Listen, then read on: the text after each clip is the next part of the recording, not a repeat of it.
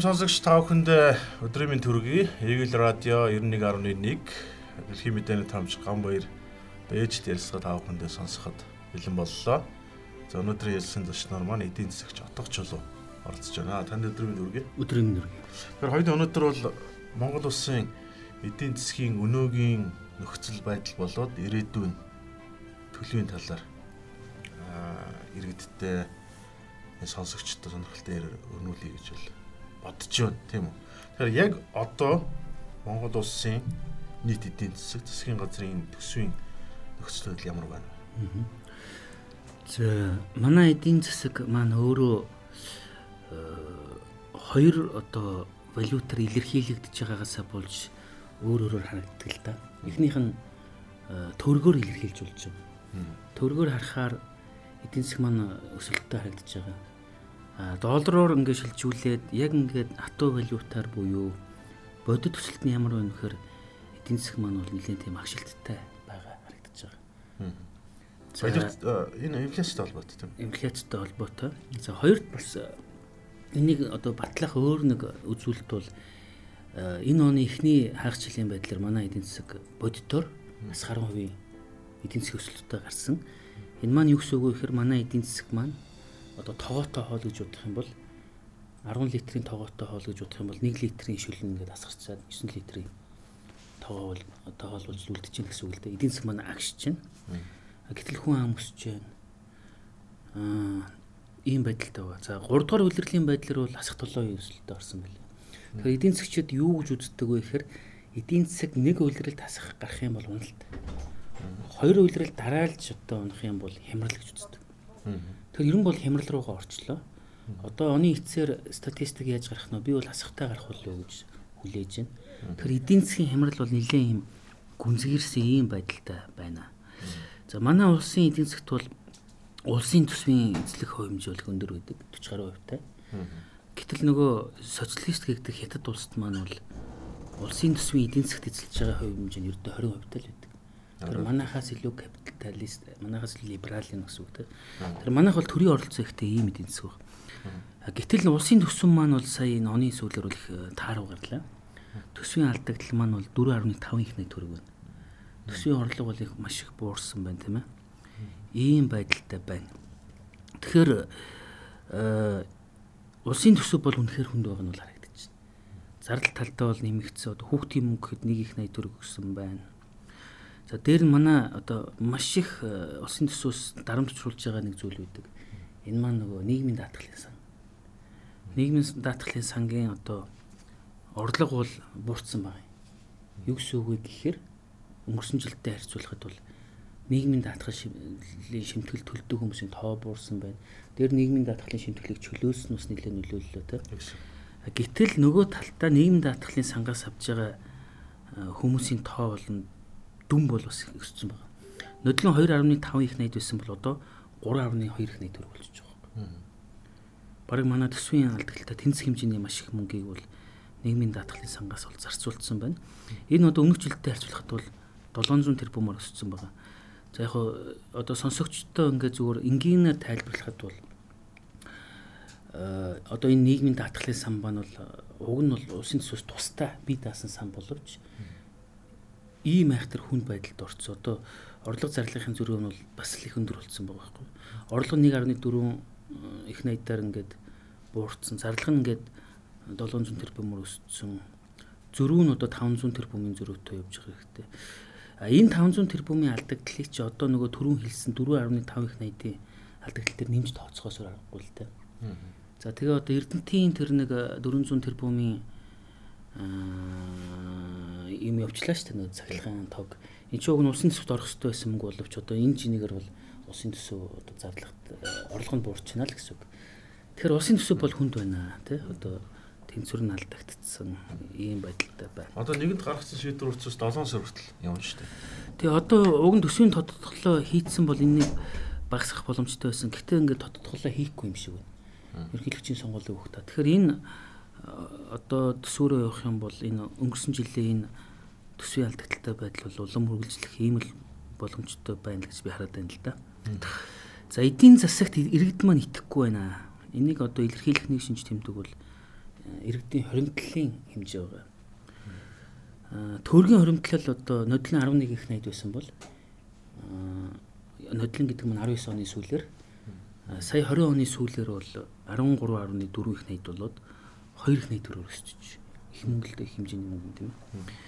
За долларын хадгаламжид бол бараг тэрбум доллараар биш уучлаа 1 их найд төгрөгөөр ингээд энэ долларын ба төгрөгийн хадгаламжийн өсөлтийг ингээд тооцоод үзэхээр 4.4 их найд байна. 1 тэрбум доллар. Манайх шиг юм жижиг эдийн засгтай улсад бол эдийн засгийг ингээд хэрэглээг дэмжиж эдийн засгийн өсөлтийг хангах ёстой байсан энэ мөнгө маань хадгаламж руу шилжиж байна л гэсэн. Эргэлтэнд орохгүй гэсэн. Орохгүй байна. Хоёрт энэний нэг сөрөг тал байгаа юм а. Одоо эдийн засгч хүн бол ингэж ярих ёсгүй л дээ. Гэхдээ бас байгаа юмыг байгаагаар нийлэхгүй бол болохгүй. Хадгаламж жижигчдийн дунд судалгаа хийгээд үзэхээр дунд давхрах юм байхгүй. Тэгэхээр нөгөө мөнгөтэй хүмүүсийн одоо баян хүмүүсийн хоригдол нь хүүрээ асар өсөд байгаа байхгүй. Ганц жишээ хэлэхэд одоо манай ерхий сайд чинь 1 тэрбум 700 саяын хадгаламжтай байгаа. Одоо Арилгатай тэмцэх газрын хөрөнгө оруулалтын мэдээллийн веб хуудас дээр мэдүүлснээр бол тийм билээ 19 оны 12 сарын 31-ний байдлаар. Эний хүүнлэхэд ч одоо дор 250 сая төгрөг шүү дээ жилд. Жилдээ. Тий. Сард руу ч бараг 20 сая төгрөг болж байна те. Тэр энэ бол ганцхан жишээ. Ийм олон одоо их хэмжээний хадгаламжтай хүмүүс их байгаа учраас хадгаламжтай хүмүүс мань ингээ хүүгээрээ ингээл зүгээр сууж байгаа л хэдэн зуун саяар ингээд орлого нь өсч идэг. Гэтэл нөгөө талтай хадгаламжгүй тэр өдгөө ингээд зээлээ төлж чадахгүй болсон хүмүүс байгаад байгаа нь бас ийм их сонирн байдал үүсгээд байгаа. Тэгэхээр ер нь бол одоо нэгдүгээр эдийн засгт манай мөнгөтэй хүмүүс маань ч өөрсдөө эдийн засгт итгэхгүй л гэсэн үг шүү дээ. Хадгаламжаа өсгөөд гэдэг чинь. За манай эдийн засгийн бас нэг том хүчин зүйл бол юу гэдэг? Экспорт байдаг. Экспорт бол буурсан байлээ. За импортч бүр хэмжээгээр буурсан байлээ. Энэ маань өөрөө эдийн засгийн идэвхжил муу байгааг л харуулж байгаа юм л да. Гэхдээ яг хуу баланс одоо төлбөрийн юу гадаад худалдааны тэнцэл талаас бол 2.3 тэрбум долларын ашигтай гарсан байлээ. Тэгэхээр одоо манай эдийн засгийг авч явж байгаа ганц гялтаалгаж байгаа одоо ингээ бүр сөхрөөд унахчихгүй байгаа юм бол экспорт тэр дотор бол энэ уул уурхаа байна л да тий. Нүүрсдэл гэдэг. Тэгэхээр бид нар уул уурхаагаас улам хараатуулж энэ одоо эдийн засгийн байдлыг ярих юм л да. Одоо эрүүл биш. Эрүүл биш. Тэгээд энэ ерөнхийлөгчийн сонгуульд өгөхөд иргэд нийгмийн халамжийг одоо илүү өсөж байгаа дээр нь тоглолт хийгээд бас ингээд уул уурхайн орлогоо эрдэнэттэй эрдэнэс 5 7-ог ашиглаад хэмжээний мөнгийг төсвийн гадуур ингэж санхүүжүүлж байгаа нь энэ уул уурхаагаас хараат бус энэ үжирцсэн хүндрэлийг улам л өсгөж байгаа л доо. Улам л одоо бид нар наана энэ уул уурхаа пупа муха гэсэн боловч үгээрээ үйлдэлэр бол бид нар улам ингээд нэг тижээж байгаа л гол ядуураад тий. Тэгэхээр энд за яг мэдээж 2020 онд улс орнуудад энэ үүсэж байгаа эдийн засгийн агшилтыг бол ковидын локдаун тийм үү? Хөл хоригдол холбооч тайлбарлаж шүү дээ өөр арга байхгүй. Хамгийн гол тайлбар гэж. А гэтэл манайх бол хөл хорой хэсэгчсэн байдлаар ингэ тогтоогод бол баг жил боллоо шүү дээ. Жилийн аваа үзэж. Гэтэл дотооддоо халдвар аваагүй байхад тэр салбаруудыг зарим салбаруудыг хаах хэрэг байсан. Би бол байхгүй байсан гэж боддог. Энэ бол бас нэг манайх чи ковид эхлэн гутал гаднаас оржсэн бомбтой хайцсан мөртлөө дотроо бол ингээд нам зогсоцсон шүү дээ. Тэгээ энэ маань өөрөө ажлын байр бий болгодог салбаруудад бол нэлээд хүндрэл учруулсан гэж би харж байгаа. Одоо сая ингээм хамгийн сүүлийн судалгааг харж байхад хөдөлмөр оролцооны аргаар тооцохоор эмэгтэйчүүдийн хөдөлмөр эрхлэлт бол эрс буурсан байна. Хоёр хүний нэг тутмын эмэгтэй хүн бол ажилгүй байна. А албан ёсны ажилгуудын статистикийг харахаар ажилгууд буурсан гэж харагдаад байна. Яг тэгвэл тэр чинь нөгөө ажилгүй гэж бүртгүүлчихэд 2 сая тэтгэмжээ авангуудаа хасагдчихдаг байхгүй. Тэгэхээр манай албан ёсны ажилгүйдлийн статистик бол бодит байдлыг бол эсрэгээр харуулдаг. 2 сар тэтгэмжээ авлаа. Ажил олсон ч вэ, олоогүй ч вэ бүртгэлтэй ажилгүй гэсэн чагсаалтаас хасагдчихдаг байхгүй. Хасагдчихдаг. Дансны аргаар. Аа тэгэхээр яг энэ бүртгэлтэй ажилгүйчүүд дээр тулгуурсан тоог бид нар авах юм бол бодит байдлыг буруу ойлгоно. Хөдөлмөр оролцооны аргаар бодох юм бол ажилгүйд бол эрс өссөн харагдчихсан. Тэгээд тооцож байгаа болж байна. Тий. А та эмэгтэйчүүд гэж ярьлаа шүү дээ. Тий. А саяхан Японы хөдөлмөрийн яамнаас нэг тайлан гаргасан байна. Тэрний үг амийн оролттой холбоотой.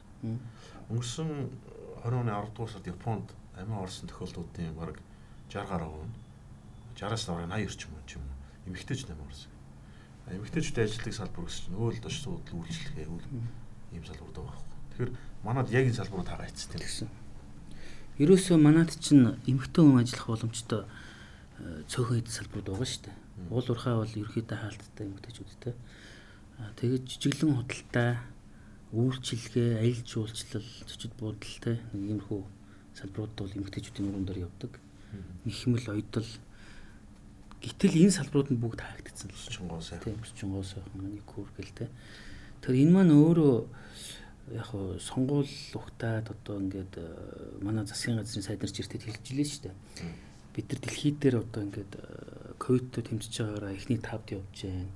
Өвчлөлтөө тэмцэж байгаагаар ингээд нөгөө хуучин социалист нийгмийн социалист уралдаанд ордог байсан шиг юм яриад байгаа байхгүй. А гэтэл засгийн газар ингэж дэлхийд гоё харагдахын тэр өр төлөөс нь бол ажилгүй болж байгаа эмэгтэйчүүд төлж байгаа байхгүй нуруунд дээр аваа явж байгаа байхгүй. Тэр би бол одоо ингээд уул үзээгүй хормон шуун ус үзээгүй яана гэдэг нэг монголоор тэгвэл шүү дээ. Тэр шиг болоогүй бахтнаас хитрхи ингэж дотоодынхаа локдаун гэдэг юм уу энэ хөл хориг хитрхи эрт аваад одоо ажлын байр бий болгож байгаа эсвэл ажилтаа байсан тэр салбаруудаа бол онцгийн шаардлагагүйгээр тамирдуулаа хийсэн бас одоо тэр ковидоос дутхгүй хэмжээний юу одоо хөндрөл учрууллаа. За хоёр тэгээд үнэхээр одоо дэлхий дээр бол одоо ковидын эдийн засаг гэсэн юм баг шинэ шинжилгээ ухаан гараад ирлээ л дээ. Ковидын дараах ертөнцөө те. Тэр ковидын шинжилгээ ухаан чинь одоо ковидын эдийн засаг чинь хоёр юмыг энэ тэнцүү авчихаас үздэг байгаа байхгүй. Нэгдүгээр эрүүл иргэдийн эрүүл байлгыг. Хоёрдугаар эдийн засгийн эрүүл мэндийг бас давхар анхаарья гэдэг. За биений эрүүл мэнд тустай эдийн засгийн эрүүл мэндийн цаана бол ажлын байр байгаа шүү дээ. Монголд бол аав ээж нь ажилгүй болгочоод хүүхдүүдэд нэг сарын 100 сая төгрөг өгдөг. Тэр нь ханаач өрөхгүй байх шиг юм тийм ээ. За дээр нь одоо түрүүн та яг онж асуулаа.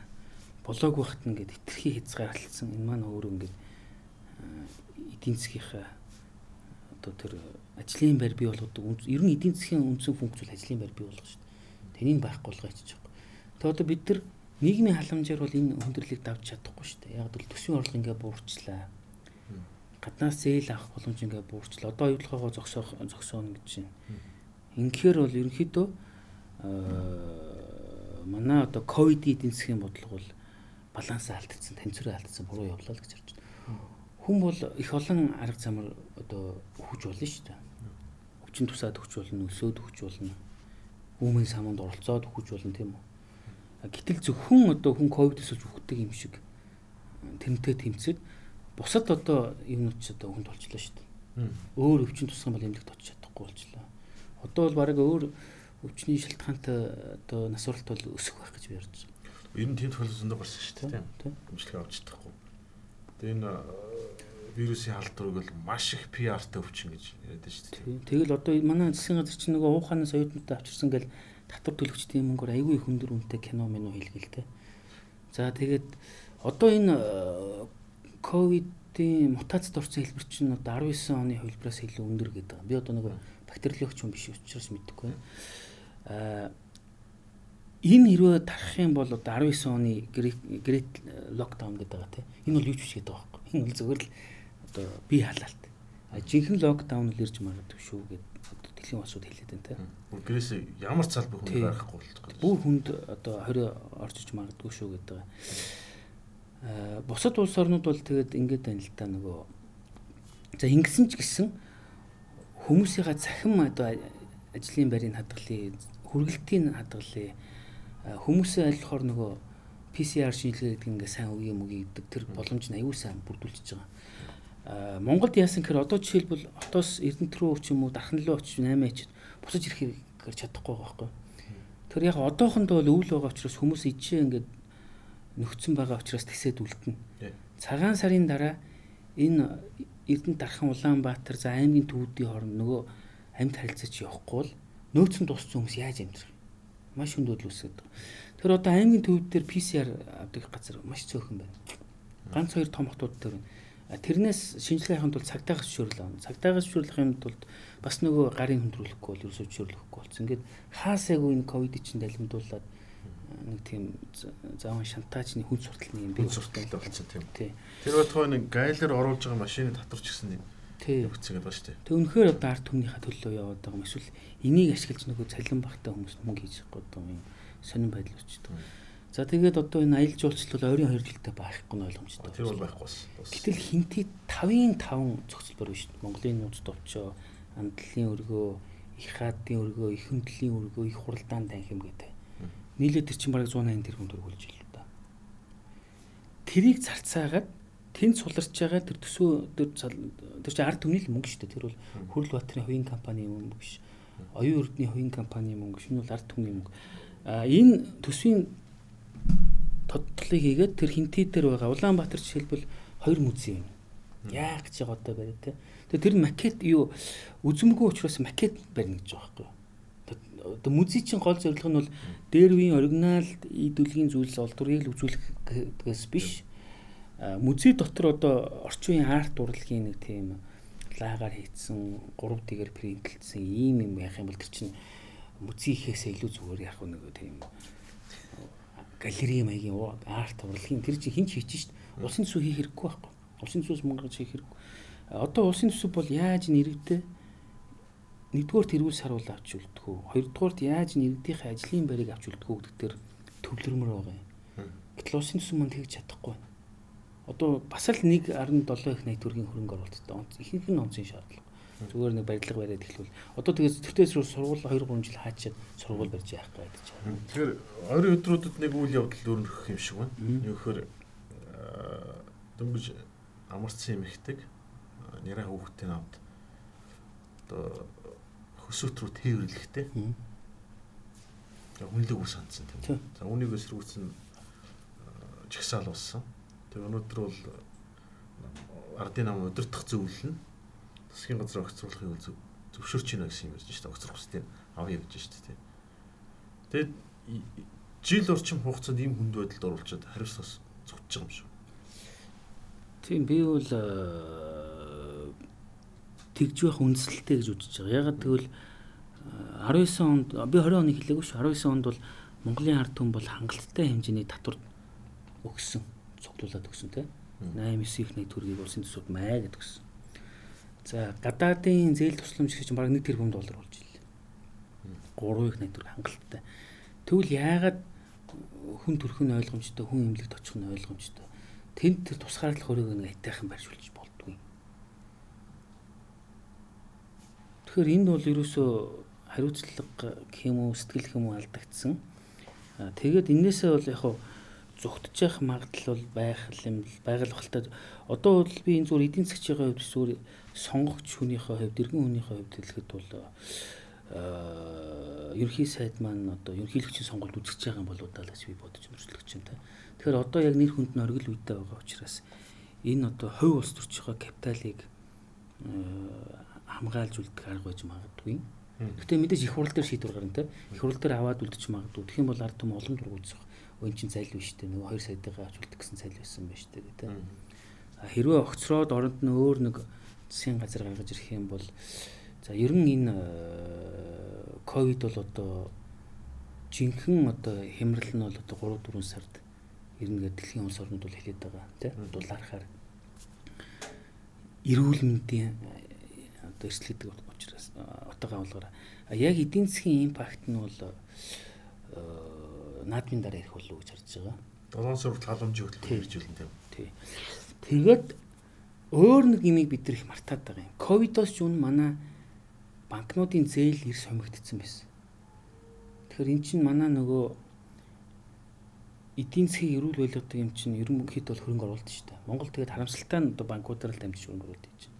Тэр нь хөрөнгө оруулалт хомигдчихна гэж ажлын байр эрс багсна гэсэн үг. Ковидос ч өмнө одоо 3 хүн тутмын нэг нь ядуу болцсон байсан тийм ээ. За 150-аас за удирдлагын чанартай ажиллаад ингээ хасаад цэвэршүүлээд яг ингээ decent work гэж ярьдаг. Яг ингээд mortgage төлөөд ар гэрээ айтайхан авч яваад аль бие усны хөдөлмөрийн гэрээтэй ажлын байрны тоо бол 100 мянгаар буурсан гэж үздэг л дээ. Ковидос өмнө. Өмнө. Аа ковидос өмнө бол ямар байдал үүсчихэд гэсэн бэ? Одоо жоох эдийн засгийн өсөлт ингээд нэг нэм 2 хөөс доошоо ороход л нөгөө 30% ядуурл чинь 50% болохоор байсан байхгүй. Гэтэл одоо хасах толоо болцсон байгаа тий. Тэр магадгүй 60% руу орцсон явж магадгүй. Одоо нөгөө статистик чинь нэг жилийн 2 жилийн осрогдолтой байгаа шүү дээ. Ажлын байран дээр бол яриад байх юм байхгүй чинь. Нэг хэсэг чинь оргил үедээ сард 30 мянган ажлын байр байхгүй болж илаа шүү дээ. Тэгэхээр э эрүүл мэндийн жинхэнэ одоо цохилт бол дулаарах 3 сар 4 сард ирэх баг. Эдийн засгийн одоо жинхэнэ бол 7 сарын дараа наадмын дараа ирэх баг. Яг энэ ядуурл ажилгууд л гээд энэ нийгмийн эмзэг бүлэг улам эмзэг байдал руу орж байгаа энэ нийгмийн шинжтэй суур цохилт нь бол одоо нэг жил эртээр үйлчлэх баг. Тэгэд хамгийн харамсалтай нь энэ нэн ядуу болсон энэ 20-с 30% болцсон энэ нийгмийн 20-с 30%-ийг одоо гаргахын тулд 10 жилийн дор хий зарцуулах хэрэгтэй гэж үздэг л дээ. Тэгэхээр бид нар алдагдсан 10 жил рүү орж байгаа байхгүй юу? Яагаад гэвэл одоо манай гадаад өр зээл чинь 4 тэрбум болж байгаа 8 тэрбум доллар болцоод чинээндээ тулжлаа те. Манай одоо эдийн засгч агшаад 12 тэрбум байсан бол буцаад 11 рүү болчихлоо. Тэр нөгөө өрийн хязгаар гарцсан таазандаа тулцсан. Одоо бидэрт манерлах боломж маш бага байна. За бидэрт хөрөнгө оруулах шаардлагатай маш олон ажлууд байсан. Төмөр зам, сахилгаан станц. Одоо бид нар тийшээ орвол одоо боловсрал те одоо син сургуулиуд барих хөтөлбөр шинжилгээ. Тийшээ орох ёстой байсан мөнгөө бид нар ядуу имзэг бүлгийн иргэдээ ам зогоох хэмжээнд өгөхөөсөр аргагүй болж байгаа байхгүй. Одоо нөгөө дундаж давхар гэж нэрлэгддэг хүмүүс ш доошоо орно шүү дээ. Тэднийг бүр ингээд нэг ядуу оруулчихгүй бол бид нар хинэж болох байсан те зайлсхийж болох байсан тойрч гарах болох байсан хідэн их найд төргийг бид нар ингээд шал дэмий зарцуулж байгаа байхгүй. Ягаад гэвэл тэр чин эргэж өгөөж болох хөрөнгө оруулалт биш байхгүй. Энэ бол зүгээр л одоо өсгөөд өгчихгүй байх хэмжээнд нийгмийн халамжийг зарцуулахаас өрөхгүй. Муухагаар хэлэх юм бол энэ одоо нөгөө хүнээ хотоодоор нь ороод ингээд бүхний систем руу орох хэмжээний тийшээ бид нар хэдийх найдыг хийхээс өрөхгүй болж байна. Аа яг тэгвэл нөгөө ажлын байрыг хаац урчсан. Аа мөнгө нэг хэрэг. Хамгийн аимшигт нь бид нар цаг хугацаа алдах болж байна. 10 жилиг алдах нь шүү дээ. Тэгэл одоо хитээр хитэ эдийн засгийн сая 1-2 таарчлаа шүү дээ экспорт нь нэмэх 25%. Нэг хүн 10 мянган доллар тийм тийм. Тэгээ одоо хятад юу гэж н хаашаал харна уу? Цахилгаанаар ажилдаг машины үйлдвэрлэл ингээл бурууны дарах мөг шиг л пад пад пад гэж. Тесла эхлээд 500 мянган жил 500 мянган юуг э, цахилгаан машин барих хүчин чадалтай үйлдвэрийг Шанхайд барьсан. За өнгөрсөн 7 хоногт хит хитэн хитэн өөрсдийн дотоодын үйлдвэрлэгч нар э, IPO хийчлээ. шинэ бизнес руу мөнгө оруулаад байна шүү дээ тийм. За энд нэг асуулт энэ нэг хүнд ногдох дотоодын нийт бүтээгдэхүүн 4000 гаруй доллар байгаа бох тийм. Тий. 4500 хүрсэн үү? Уу яг хоо 4500 хоёр аргаар тооцдог юм дах чинь. Гэхдээ эн чинь 2010-ад оны их үед Rio Tinto энэ хөрөнгө оруулалт орж ирж явах үед 4000 доллар байсан тийм. Тий. Гэтэл одоо 10 жилийн дараа 4000 доллар ч юм бол ханшаар тооцох биш шүү дээ. Яг Америк доллараар тооцох юм бол нэг хүнд оногдох дотоодын бүтээгдэхүүн таны хэлдэг бол зөв. Аа оюутлахаа явтал бол энэ их бага байсан. Оюутлагаас хойш бол 2 3 дахин өссөн. Гэхдээ одоо энэ үл яг тогтмол байдалд ороод сүүлийн 4 5 жил яг шаригдчихэж байгаа юм. Тэгэхээр яг эдийн засгт бол хоёр янзаар тооцоод идэв. Нөгөө Атласын аргаар гээд нөгөөх нь худалдаа авах чадвараар тооцсон гэдэг энэ ингэж тооцдог л доо. Тэгэхээр яг надад байгаа статистикээр бол энэ ч одоо хэд юм те. Тийм 4000 доллартай л байна л да. Тэг чи өөр 16 онд ингэж буурч ирж исэн байгаа байхгүй. 12 хүртэл өсөөд буцаж жоохон буураад одоо бол ингээд ерөнхийдөө сүүлийн нэг 10 таваас хойш 5 жилд бол ерөөсөө дээшээчгүй доошоочгүй ингээд зогсон байдалд орчиж байгаа. А энэний сул тал нь бид нар нөгөө нэг цалин хөдлөм цалин өсөө нэмэх боломж нь алга болчихсон. Яг л нэг судалгаа байдیں۔ Нэг хүнд оногдох дотоодын нэг бүтээгдэхүүний 10% нь дундад цалинтай яг тэнцээд байгаа байхгүй. Минх нөө бүтээмж мөтө авч ирсэн. Бүтээн сайтай орнуудад бол нэг хүнд оногдох дотоодын нэг бүтээгдэхүүний 30% тань цалин тэнцдэг. 30% тань. Тий. Манайх бол ердөө 10%. Тэгэхээр манайх бол нэгдүгээр хөдөлмөрийг үнэлэхгүй нь хоёрдугаарт манайх нэг залуу үндэстэй учраас ажлын байран дээр жил болгон маш олон залуучууд орж ирдэг. Тэгэхээр хөдөлмөрлөгч өөрөө нэг төрлийн бараа байхгүй. Аа бараа маань өөрөө олдоо тэрхэр үнэ бурдсан шүү дээ. Одоо би нэг 3 залуу ажиллуулж байгаад халаа явууллаа гэхэд орон 6 сал хүрээл ирэх байхгүй. Тэгэхээр би цалингаа баг болох боломжтой. Энийг цалин өсгөх нэг л арга байгаа юм. Бид нар эрэлтээ том болгох хэрэгтэй. Хөдөлмөрийн одоо ажлын байруудыг олноор бий болгох хэрэгтэй. Тэгэх юм бол хүмүүс чинь хүний хөдөлмөрийг үнэлэн цалингаа өсгөх шүү дээ. Аа энэнхийн тулд бид нар эдийн засгаа томруулах хэрэгтэй юм. Тэгвэл би бол таныг тэгж асуух гэдэг л гэж бодоод байна л да. Нэг хүнд оногдох дотоодын нэвтрүүлгүүнийг яаж өсгөх вэ гэж асуух гэдэг шиг байна тийм ээ. Ингэжэл бид нар ажлын байраа бий болгоно. Одоо л үндсэндээ 5 жил яг хэвэндээ. Хэвээр. Энэ бол одоо манай эдийн засгийн үндсэн асуудал. Одоо 10% нэхэр чинь 400 орчим доллар тийм. Тэгэхээр одоо бүр сая төгрөг болж шүү дээ. 200 байх хэвэл та. За энэ засгийн газраас бол мэдээж улс орн болгон л эдийн засгаа өсгөх нь гэдэг юм уу? За аврамж гэдэг юм янз бүрийн төлөв боловсруулж байна л да тийм. Баян чиглэл улс орнд яг доллар хэвлждэг юм биш тийм үү. А Монгол өнгөрсөн хугацаанд хэрэгжүүлсэн бодлогоодаас нэг бодлого нь бол яг бидний амьдралыг мэдрэгцсэн. Татварлах шүү дээ. Нийгмийн даатгын хэмжээг аваагүй тийм. Тэгэхээр үндсэндээ бол сарын сүүлч юм уу цалинчныг бүтнээр шиг ороод ирж байгаа байхгүй. Тэр хэсэг зур мэдрэгдэл ингээл үндсэндээ дуусчаа. За 102 сар амардаг ээлж амралтай байдаг саруудын юм үндсэндээ нэг 4 5 сар л байгаа байхгүй. Одоо энийгээ бол буцаагаад тийм. Тэгэхээр одоо яаж дэмжих вэ? Татвар төлж компаниудын хувьд ч гэсэн том хөнгөлөлт болсон байна гэж бодож байна. Э дэлхийн улс орнуудыг харж байхад бол ерөнхийдөө хоёр арга замаар л их дэмжиж байна гэж би харсан. Нэгдүгээрт одоо татаас өгтөө эцсийн хэрэглэгч би өрхөд өгчөд байна. Одоо нэг өрхөд 1000 доллар ч юм уу те 1200 доллар ч юм уу. Тэгэхээр нөгөө өрхөчийн яадаг вэ гэхээр хэрэглээг бас хумээд эхэлж байгаа. Ягаад гэвэл тэр 1200 1200 долларыг шууд үрчгэн тэдний сонирхол биш байна. Хадгаламж бас нэмэгдсэн гэсэн тийм. Тэд өөртөө хадгаламжийг өсгөхийг гэж байгаа. Ягаад гэвэл тэд чинь засгийн газарт итгэхгүй шүү дээ. Тэгээ сонгуул бол яагаад ч үлээ те.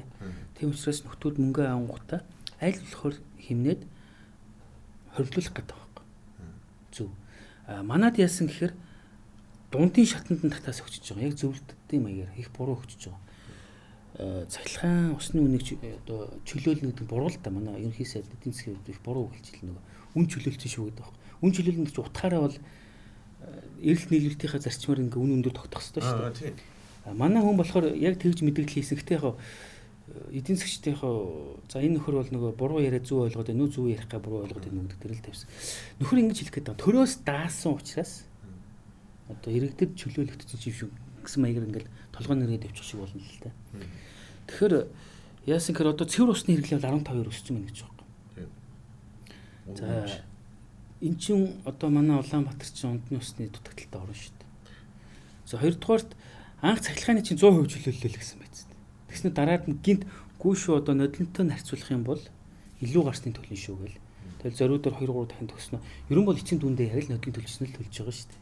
Иргэдэл тэ. Зарим нь. Тэр энэ бол их ойлгомжгүй ийм амлалт болсон. Тэгээд амлсан юм шиг хэрэгжүүлсэн юм шиг буцсан юм шиг ойлгомжгүй. Яг цахилгааны үн дээр бол тэ. Гэхдээ энэний макро эдийн засгийн сул тал бол байгаа юм. Манай дулааны цахилгаан станцууч нэг хэсэг чинь одоо бүр оргил ачаал хүчин чадлынхаа дээд хязгаар төрж ажиллалаа шүү дээ. Маш эрсдэлтэй алхам болсон. Ямар нэгэн байдлаар услах гэсэн бол одоо бид нар хотоор хөлдөх аюултай л ийм л байдалтай байсан. За тэгээд дулааны цахилгаан станцууд маань өөрсдөө технологийн шинжилгээ хийх шаардлагатай байна.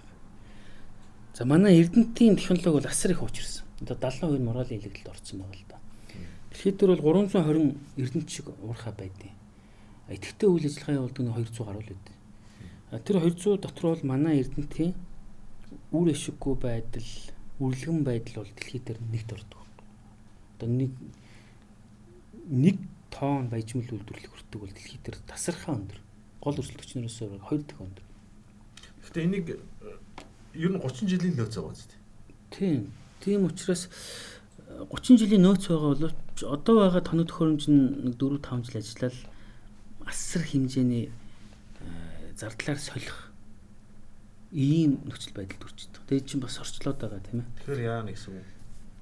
зүүн хэрвээ 30 жил доктортой ажиллуулъя гэсэн бол одоо хэрвээ тэнд илүүдэл мөнгө байгаа бол үр ашигтай технологиор солиод эрдэнтэйгээ урт удаан насаар настай байлгах өрсөлдөх чадварыг сайжруулсан бол дээр өссөн. Одоо бол яаж юм гэхээр эрдэнэтэд байгаа тэр суур проблемыг 3 4 жилийн дараа одоо сонгуулийн дараа өөрсдөө учраа олох гэд хайчиж байгаа. А одоо шийдвэл 300 сая доллараар шийдэх байсан асуудлыг 4 жилийн дараа шийдвэл тэрбум доллараар шийдэх байхгүй.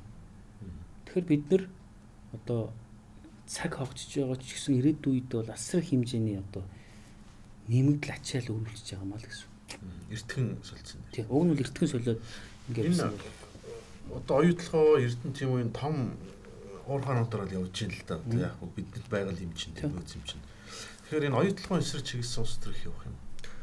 Би одоо энийг ойлгохгүй байгаа. Одоо бүр хардаад н хардны хятадууд байд юм болов орсууд байд юм болов байнга ярьж байгаа юм. Тийм би бүр сүултээ тэгж хардж байгаа. Яг л бол одоо ковид эдийн засгийн үед бүх юмыг хааж чадхад ингээд нэг бид нар чинь үлгэн салган яваад байна шүү дээ. Нэг дэлгүүрүүд хүнсний мохлохууд юмаа зараад байна. Жижиг бизнесийн зээл төлөгдөд байна. Энэ мөнгө хаанаас орж иж байгаа хэрвээс оюутлогоо Эрдэнэт Эрдэнэс тавталгаагаас л орж иж байгаа. Энд чинь нийтдээ 30 мянган ажиллаж байгаа байхгүй. За тэгээд дундад салин 1000 доллар гэж бодъё л доо. Тэгэх юм бол сард 30 сая доллар жилээр үржүүлэх юм бол энэ чи 720 сая доллар уу те. Тэн чинь нэг 2 их найт төгрөг байхгүй. Энэ 2 их найт төгрөгийн одоо жилийн мөнгөн урсгал дээр одоо хуучин зөвлөлтөө биш социалист үед бол цалингийн фонд гэж ярьдаг гэсэн. Энэ дээр л одоо манай энэ ковид эдийн засаг чинь торгоож байгаа байхгүй. Арай ингээд нураад унчлаа. Энийг бол ямар ч улс төрч мэдж байгаа, ямар ч их хурлын гишүүн мэдж байгаа. Тэгсэн мөртлөө ингээд дайраад байгааг би бол ерөөсөө ойлгохгүй. Одоо ингээд оюутлогоо хөөгд зогсоогод хөөгд гаргачих юм бол долларын ханш яаж өсөх юм? За тэг ажилгүйд яаж нэмэгдэх юм? Тэгээд оронд нь орж ирэх нь ойлгомжтой шүү дээ. Хэдтийн төрийн чинь компаниуд л орж ирнэ. Тэгэл бид нар яг нөгөө нэг петрод ачин тамсхийн араас л орохгүй. Тэнд баахан хятад ажилтдаг монголчууд маш бага цалингаар ажилладаг. Ус төрчд нь хамгаалаад юу ч яддаг ингээд тустай улс доторх фонд тусалж байгаа тийм. Тэн чин сургамж авмаар байгаа байхгүй. Үйлдвэрлэгч нь хятад, худалдаа авагч хятад болчихж. Тэгэхээр энэ яг цэцэн давуу 8 явагдах тий боломжгүй. Одоо ч гэсэн оюутлогын хүнд байдэн шүү дээ нөгөө цахилгаанаа гуйж иж авдаг өндөр үнээр. Тэгээд одоо цахилгаанаа авахын тулд нэг цөөн хідэн салхи үйлдвэр зааж өгдөг. Тэдэр нь бол одоо бас хэмтхэн авчих гал үзээд байдаг. Ийм хүн байгаа шүү дээ. Бид нар уг нь оюутлогыг зөксөө хийж орнд цахилгаан станц ордон барьж шүү дээ. Тэгэх юм бол тийш чинь гарч байгаа 100 сая 200 сая доллар чинь уг нь Монголд үлдэж байгаа. Тэгэл манайхан санаатай юм шиг ингээл зөксөөгөл авахгүй. Тэгэхээр одоо Америк нэгдсэн улс, Япон, за Сингапурч гэдэг юм энэ улс орнууд бол иргэдээ бэлэн мөнгө чек болгож штэ. Тэгэхээр хадгалах сонирхол их байна гэж юм.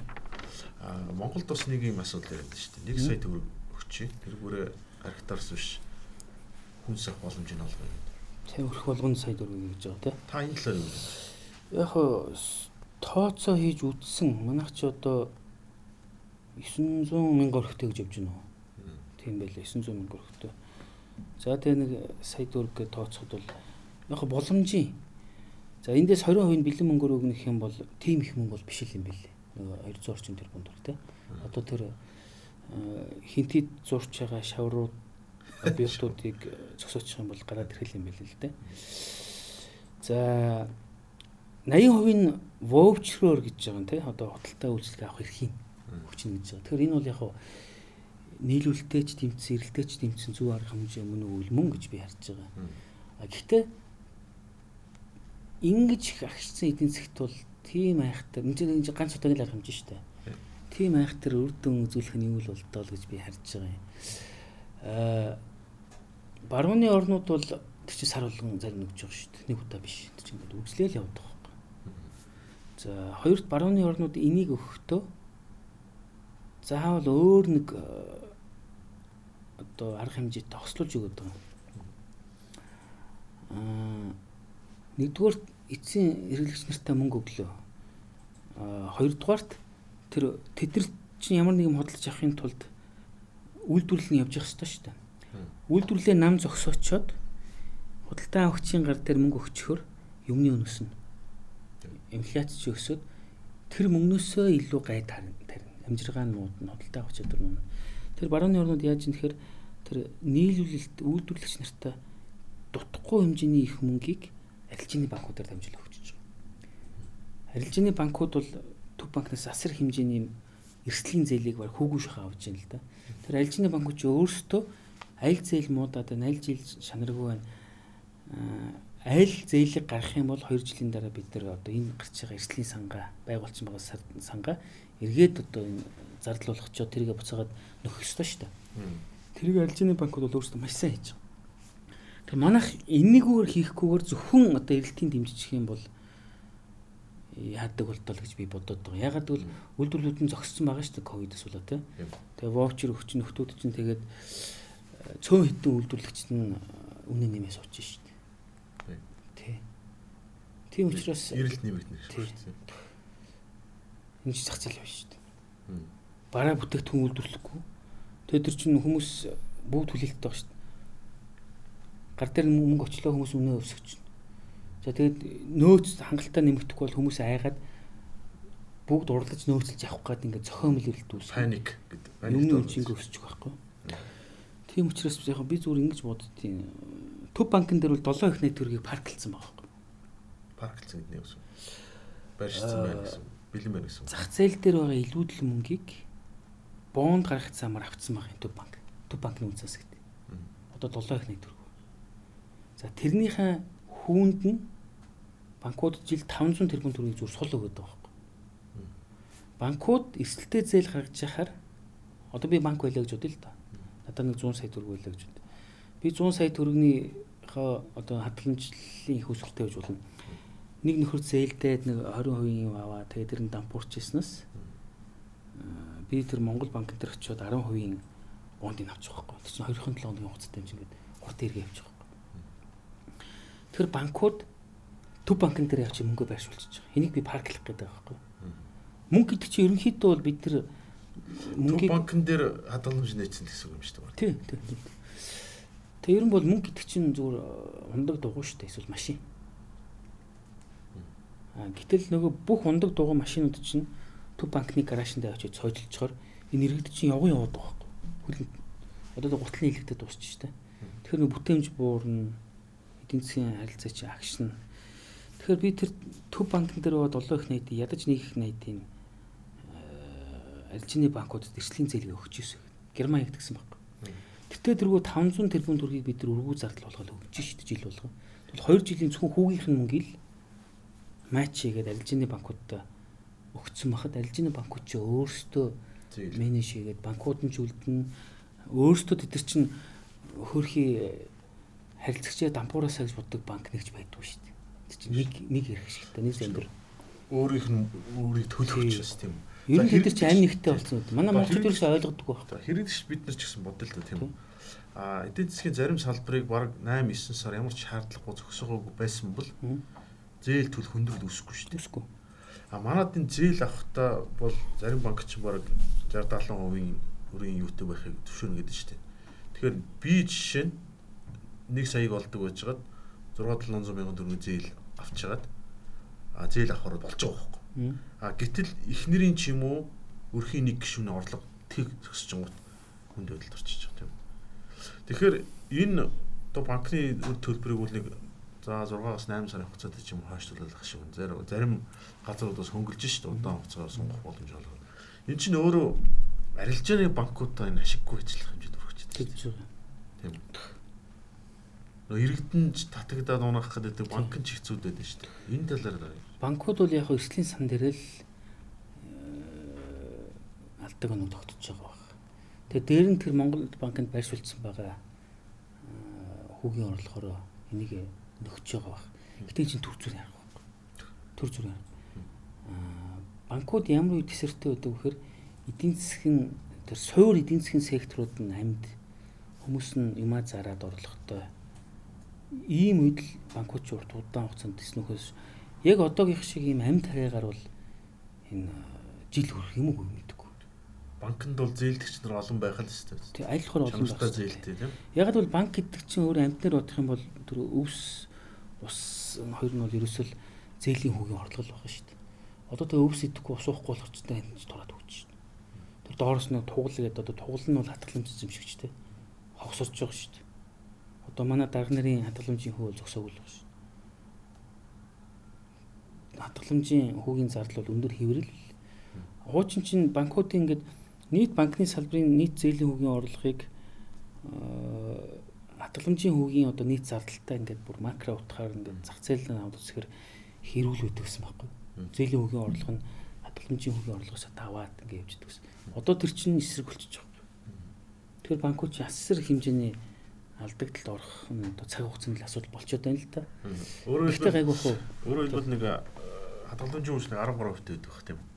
Тий одоо 10-аас 13% За таа. хэрэглээний зээлэгч нэг жилийн 20 гаруй хувьтай чи. Тий энэ зүрүүн дээр л байдаг. 7% Тийм, ашиг болдог байсан ба шүү дээ. Яг ашиг нь бол бүр бага. Тий. Яг бол одоо ингээд 7% зүрүүгөө тайлбарлая л та. За одоо би банк байлаа гэхэд э, 100 сая төгрөгийн хатгаламж татчихад 15 сая төгрөгийн хатгаламж зөвшөөрөлтөд хүүгээд өгч шүү дээ. Жил жилийн эцэг хөө шүү дээ. А тэгээ би тэр нэг 20 саяын э, хүүгийн орлоготой зээл болгоо хувиргацсан бай гэж бодъё л доо. Тэр би миний хүүгийн орлого 20 сая төгрөг. Хадгаламж зөвшөөрөлтөд би 15 сая өгсөн. Тэр надад цаана 5 сая төгрөг үлдэж байгааз. Энийхээ би саяар нь ажилчтай тийж. Саяын усад татвар болгож төлнө. Нэг саяын нөгөө эрслийн сан байгуул. Одоо ихэнх зээлүүд эрсддэг учраас ингэж эрслийн сан байгуулж ягаад муудсан зээлээ тэргээр хааж байгаа шүү дээ. Ингээд дээр нь одоо инфляцийн зардал байна. Тэр чинь 7-8% те. Тэр чинь ялцгүй зардал, ханшийн зардал байна. Ингээд цаана ашиг бол маш бага бүлддэг юм байна. Маш бага бүлддэг. Гэтэл энэ бага ашигаа яаж байдаг вөхөр аль болохоор олон хүн зээлгүүд аль болохоор олон хадгаламж аваад ингээд нөө волюмаар нь одоо нийт дүнгээр нь жоох ашиг олдог гэсэн бол одоо тэр модель чи өөрөө ажиллах байгаа юм. Тэгэхээр одоо тэр дээр нь одоо энэ банкны эздэг 20%-аас илүү ойлгохгүй гэдэг. Тэртээ тэргүү зовж яхад ингээд энэ 20%-ийн би бол зөв гэж бодож байгаа. Гэхдээ цаг нь болохгүй байхгүй. Тэр чинь 200 300 жил капиталист нийгэм хөгжсөн 100 жилийн альжины банкуд хөгжсөн аа, үн цасны зах зээлийн тогтолцоо нь хүчрхэг болцсон ийм газар явдаг загвар л та. Мм. Одоо манад болохоор яаж юм нэхэр уул урхаага ерөн бүгдийн дээрэндээ дуусчлаа. Одоо банкуд дээр зориуд цадалж тэ. Тэгээд нөгөө нэг аа, банкуд дээр ингэ зориуд дээр хувь эзэмшигч орох гэсэн нэг ийм л Улс төрийн улс төрийн тоглолт дахин хуваарлт явуулж явах гэдэг нь л гэж харж байгаа. Тэгээ энэ бол маш эрсдэлтэй алхам. Би бол аль нэгэн банкыг өмөрч яриаггүй шүү. Зүгээр банк бол санхүүгийн зуучлалын үүрэг гүйцэтгэдэг. Аа хүний бие амьтны бие дээр бодох юм бол судас байхгүй судас. Энэ судасаар хүмүүс чинь хүчил төрөгч авдаг. Энэ судасаар чинь хүмүүс цусаа авдаг. Мм. Тархин цус очихгүй бол яг хөлн цус очихгүй бол яг гэл тэ. Тэр энэ судсуудаа бид нар ингээд зориуд дээр таслаад агшаага хийчих юм бол эдийн засгч унах шүү дээ. За энд танаас бас нэг асуулт асуу. Тэгэхээр ер нь ингээд зүгээр аль ч улсаанд л хоёр асуулт байгаа юм л улс төрчдийн үед л тийм. Нэгт хүн амынхаа эрүүл мэнд нийтийн эрүүл мэнд амнаас чухал уу? Мм. А нөгөө талд нь эдийн засаг чухал уу гэж шүү дээ. А зарим улс орн бол чинь Америк нэгдсэн улс ч юм уу. ерөөд алдсан шүү дээ. Боломжгүй болсон учраас локдаун хийх шаардлагагүй юм байна. За Орос бол бүр анханасаа нэг хавар нэг нэг сар амрааж үзээ. За болиё гэсэн тийм. Ийм хэрэг төрт болчихсон шүү дээ. Тийм. Тэгэхээр Монгол одоо энэ эдийн засаг нэж болдог юм. Тэгээ эрүүл мэндийн салбар ачаал гэдэг нэг л тайлбар байна. Тий. Яг уу би одоо өөрийгөө магтсан болчих гээд байсан магадгүй. Гэтэ хэлхийж харахгүй. Би нэг нэтлэн 2 илүү 3 сард штэ. Жилийн өмнө шахав. Нэг э, ярьцлага өгөө тэрэн дээр хэлж ирсэн. Яаралтай одоо тэр одоо бүр ярьцлан байгаа да. Аа нөгөө дорндын юу эдэн штэ. Чойбсенгийн тэнд нэг юм хуучин сэргийн хотод байсан баг. Газар доор ингээд тий хүтэнтэй үед өрлж исэн. Тэгээ байлдааны онгоцуудаа тэр газар доор нуудаг. Бөмбөгдөлтөөс хамгаалдаг. Тийм аюу бол ийм ашиглалтгүй бункерүүд байдаг байхгүй. тэрэндээ тог залхаад ингээ сайхан имлэг байгуулад тэгээд тусгаалтай тэнд хийя. Энэ хот дотроо ингээ заварахгүй. А тэр тэр дотроо ингээ тусгаарлаад гаднаас ирж байгаа хүмүүсээ тэнд буулгаа тэнд билээ онгоцны бодлого тий. Тэгээ бусад салбаруудаа ингээ хэвэн явуулъя гэсэн юм санал үг гаргаж ирсэн. Хинч тоогоогүй л хинч үшаагүй. Аа одоо бол өөр арга бас байж болох юм гэж би бодоод байгаа. Тайван байна, Шинэ Зеланд байна, Сингапур байна. Манайхаас илүү тархацсан. Гэтэ эдийн засгт нь яг хэвээр явж байгаа байхгүй. Яаж нөхөр гар утас юм өөр янз бүрийн одоо технологийн дэвш ашиглаад халдвартай байж болох хүмүүс урьдчилан сэргийлээд байгаа байхгүй. Тэр манайх бол ингээд харанхуй өрөөнд өвсөн бохол тавьчаад ингээд зүү хайж байгаа юм шиг өвчтний хараас яваад нь шүү дээ. Гэхдээ их бүдүүлэг аргаар нэг одоо өвчтөе хүнийг олохын тулд мянган хүнийг нам зогсоож байгаа Аа, Сингапур, Өмнөд Солонгос ялангуяа 50 бол өөр.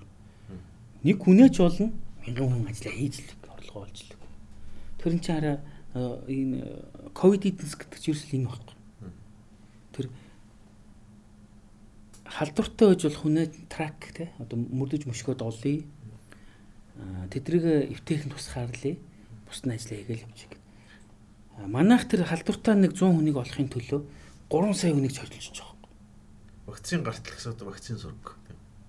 Одоо энтхүү өгнө гэж. Энэ би саяхан нэг Индонезийн жишээ үзэж байхгүй.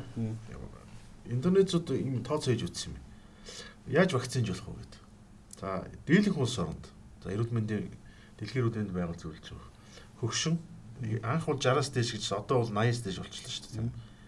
Хайцсан хөнгө учраас. 80-с дээш насныхан эрүүл мэндийн ажилтнууд за үйлчлэгийн ажилтнууд ингээд хамруулчт юм байна гэсэн. Индонезийн Жоко Видод болохоор ингэж юм. 18-аас 59 насныхны эхлээд вакцинж болно. Яаж байгаа юм гэхээр энэ хүмүүс өдөржин гадуур ажиллая гэсэн. Орой гэртээ ирнэ. Индонез ч бас Монголтой систем шүү дээ. Хөршин хүмүүст хамт амьдэрдэг юм уу юм. Энэ хүмүүстэй орой ирээд халдах эрсдэлтэй. Эхлээд энэ хүмүүсийг. Тэгэхээр яг зөв. 170 сая юм тийм. Тэгэхээр вакцин зүйлтийг бол яг тухайн үндэстэй өөрсдийнхөө онцлог тохируулаад хийхгүй бол Америк, Европ ч өөрсдөө хөчүүд нь тустай амьдардаг. Тустай амьдардаг тийм. Хүүхдүүд нь тустай. Ингээд тэр хөшин хүн ямар нэгэн байдлаар коронавирус туслаа гэхэд эмнэлэгтэр очихоос аргагүй. Тэр нэг эмнэлгийн ачаал ингээд яаж байгаа гэдэг. Тэр манайхаа Америк, Германд ингээд байгаа юм байна гэд сохроор шууд наснуудаа төрүүлээд ячвал болохгүй вакцинжуулж болохгүй. Мэдээж одоо эмнэлгийн ажлуудаа вакцинжуулах хэрэгтэй баг. Тэгээд дараад нь одоо яг худалдаа үйлчлэгээний салбарт явдаг энэ жолооч нар жижиглэн худалдаа тий. Эдрийг эхэлж вакцинжуулах нь зөв л байх л гэж бодож байна. Өдөр харьцчихэд хүмүүстэй тийм. Яг л одоо бид нар эдийн засгийнхаа энэ цус эдийн засгийнхаа орлого энэ хэрэглээг л аварч үлдэхгүй бол эмэгтэйчүүдэд хөдөлмөрийн зах зээлд оруулахгүй л хэцүү тийм. Тэгэхгүй бол ганцхан ковид гэдэг нэг даваа гэж бодъё л доо. Энэ давааг давахын тулд одоо өөрт байгаа ганцхан машиныхаа моторыг эвдээч болохгүй ч. Тэгээ ковид дуусна шүү дээ. Одоо монголчууд ингээд вакцингүй байсан ч гэсэн бид нар ингээд локдаун 2 3 жил хийгээд ингээд 10% нөлсгөлөнд ороод ингээд тэгжээд дэлхийн бусад улс орнууд чинь вакцинчхаар энэ коронавирус хань дуустчих шүү дээ гэж бодъё л доо. Бид нар одоо вакцин гож угаас үл хамааран Угаасаа гаднаас орж ирэх аюулгүй болчих шүү дээ. За тэгээ буцаад эдийн засгаас сэргийлэх гэх юм. Ягаад гэвэл нэг ажлын байр бий болох гэж одоо эн чинь 3 4 жилийн ажил болдог. Нэг ажлын байр бий болох гэж одоо дор хаяж гайгүй чанартай ажлын байр болгоё гэвэл одоо 300 сая төгрөг хэсгэлээ шүү дээ. Тэр хүнээ аавн сарын цалингийн нөгөө нь нийгмийн даатгалын төлн нэг өрөөнд суулгана компьютер авч өгнө сэрэх хэвээр тийм. Тий. Уул уурхайн салбарт бол нэг ажлын байрны өртөг бол маш өндөр. Тэн чин тоног төхөрийн хэмжээнд авч өгнө тийм ээ. За нэхмэл ойдол дээр ч гэсэн ядж л нэг орчин ойдлын машин авч өгдөг чинь амар үнэтэй баг шүү. Танаа телевизийн бол бас л өндөр байгаа. Орчин үеийн юм аавн тэгэл үйлчлэгийн төлбөр мөлбөр гээл одоо тийм. Бол хөрөнгө оруулалт хийчихэл мөнгө олгох гэж шүү дээ. Тэгэхээр харьцагтай бас э, харьцангуй уулуурхай э, барилга гэд бүтээмж ихтэй салбаруудыг бодвол харьцангуй хайгүй шүү дээ. хөрөнгө оруулалт багтах байх тосн төр чинь хөрөнгө бүтээмж багтаа ажлын байрнууд л байхгүй. Энэ бол Монгол тийм айхтар юу чадахгүй энэ өрсөлдөөнтэй зах зээл. Биднэрт одоо үнэхээр чанартай ажлын байр бий болохын тулд анхны капитал их шаардсан ийм ажлын байрнууд хэрэгтэй байна. За ярилцлагын төгсгөлд бид нэг 10 орчим минут нэг асуултыг би бол сүүл залуу судлаач хүмүүс асууж байгаа. Та түрүүн хэлсэн Монгол улсад жилдээ олдог бидний мөнгө нэг 100 төгрөг. Тэр 100 төгрөгийн 40 төгрөгийн авчихдээ. Засгийн газар юм данхаар том байгаа байхгүй. Яагаад энэ манай намууд бүгдээрээ ийм данхар засгийн газрыг оршин тогтоох зөвшөөрөд байна? Ер нь бол тийм консерватив ч юм уу баруун ч юм уу зүсвэртэл яагаад ингэж гарч ирэхгүй. Аль засгийн одоо бид танаар зүгээр да судлаач юу тийм үү аль ерөнхий сайд юм уу аль нам чамууг аль засгийн газрын үед бол хамгийн бага байсан байна. Төрийн оролцоо хамгийн бага байсан үе нь бямсрангой үед байсан. Сайн дэвш. Угаасаа мөнгө болчихсон. Тэсэ мөнгө. Тэгээд 90 оны хүнд үе. Тийм. Тэр чинь нөгөө дулааны цахилгаан станц хөлдөчгөөд тэгээ бямсрангой өмнөх хөвсгалт нам улс төрийн товчоо бүх юмыг удирддаг гэсэн эдийн засгийн өдөртөнд доороо нэг төлөвлөгөөний комисс гэдэг тоглоомын байгууллагатай тэд нар нэг ганц хоёр судалгаа шинжилгээ хийж өгдөг. Тэгэхээр шийдвэрийг бол тэр улс төрийн төвч гаргадаг гэсэн. Тэд нар жишээлбэл тэр Монголд банкнд бас 4 тонн алтаа зарья. Тэгвэл Улаанбаатар хөлтлөө. Тэгээд 4 тонн алтаа зарж ирсэн байна. 90 онд манай эдийн засгийн 10 тэрбум эдийн засгаас 10 тэрбум төгрөг шүү. 10 тэрбум төгрөг. Одоогор бол энэ чинь 3 сая доллар л. Одоо тэгтэл эн чинь 18 онд хэдэн ширхэг джип зарж ийлаа те. Тэг чи хэдэн хэдэн зуун тэрбум төгрөг болж ирсэн шүү дээ. Тэгээс бид чинь бараг л нэг нэг 600 орчим джип машины л зах зээлтэй байсан байхгүй. Бүгд эдийн засгийн тийм жижиг. Гэтэл манай нийт гадаад дөр болохоор 10 тэрбум доллар байсан. 10 тэрбум шилжих рубль өртөө. Зөвхөн Оросд бусад улсуудын нэг бүр амар. Тэгэхээр манай нөгөө социализмын эдийн засаг маань тийм ямар ч бүтээмжгүй мөртлөө зээлэр амьдэрдэг.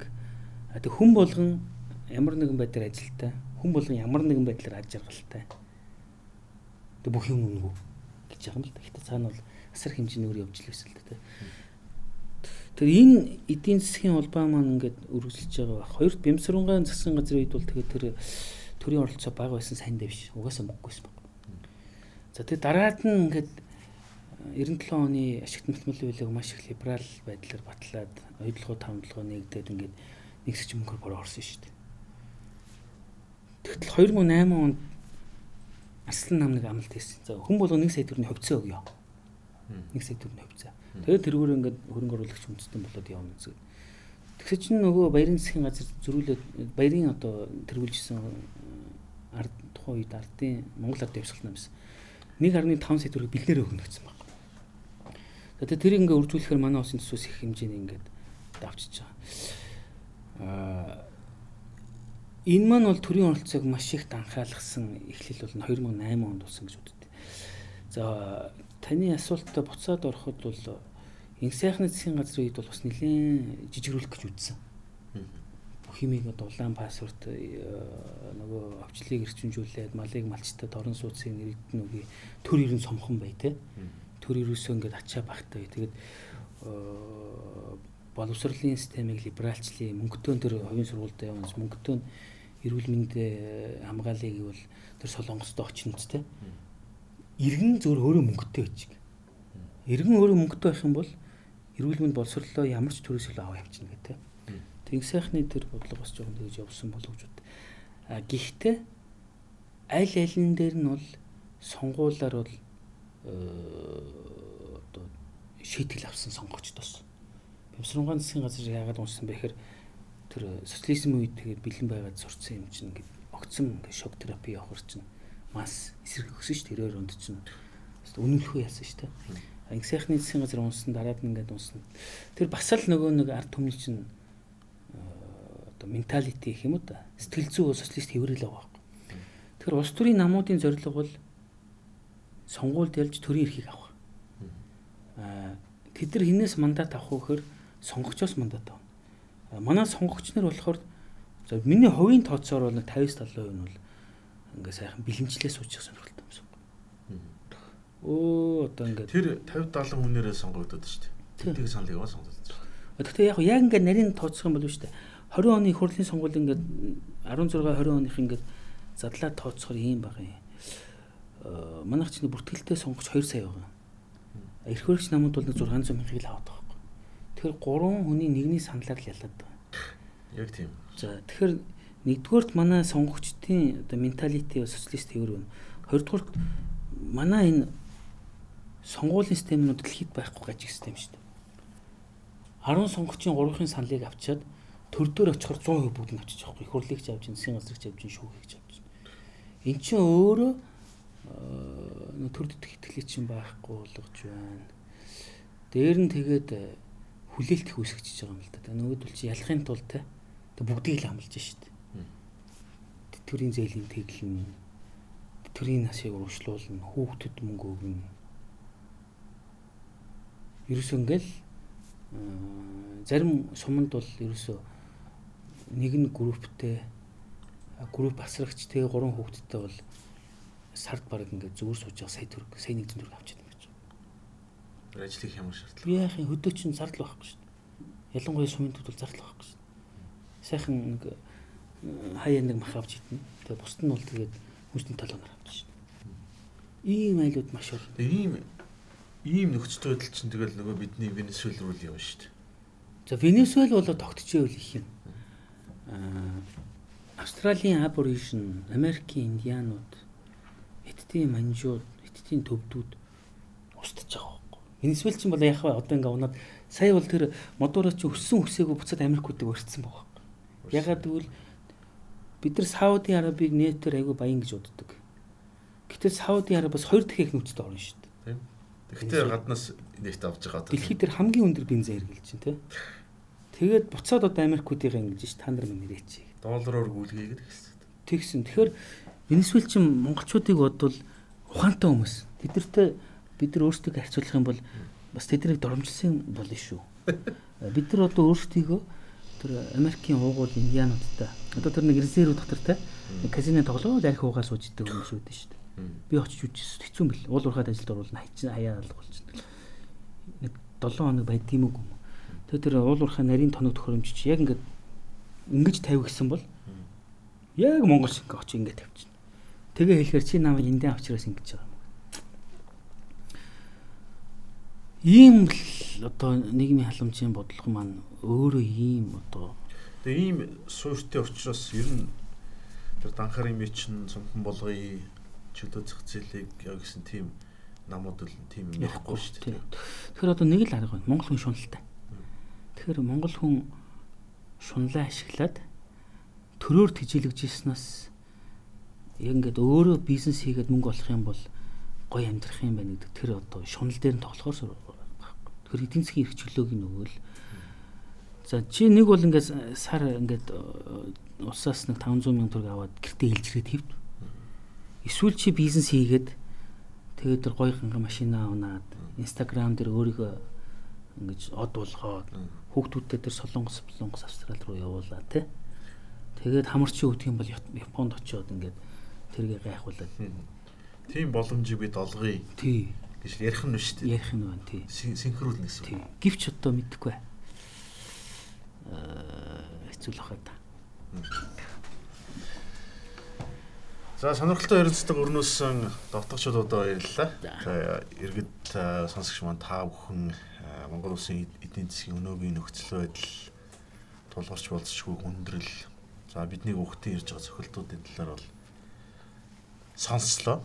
За магадгүй яг бодит байдлыг шулуухан хурцхан хэлэхэд бол тэр үхэндээ бол имзэгэлдэг боловч бид иргэд бол өөрсдөө нөхцөл байдлыг мэдэх ёстой гэж бодож байна. Тэгээ одгожлуудаа заав гарч ирсэнд баярлалаа. За баярлалаа. Танай хамт олонд бас талархснаа илэрхийлээ. Тэгээ ажлын амжилт хүсье. За баярлалаа.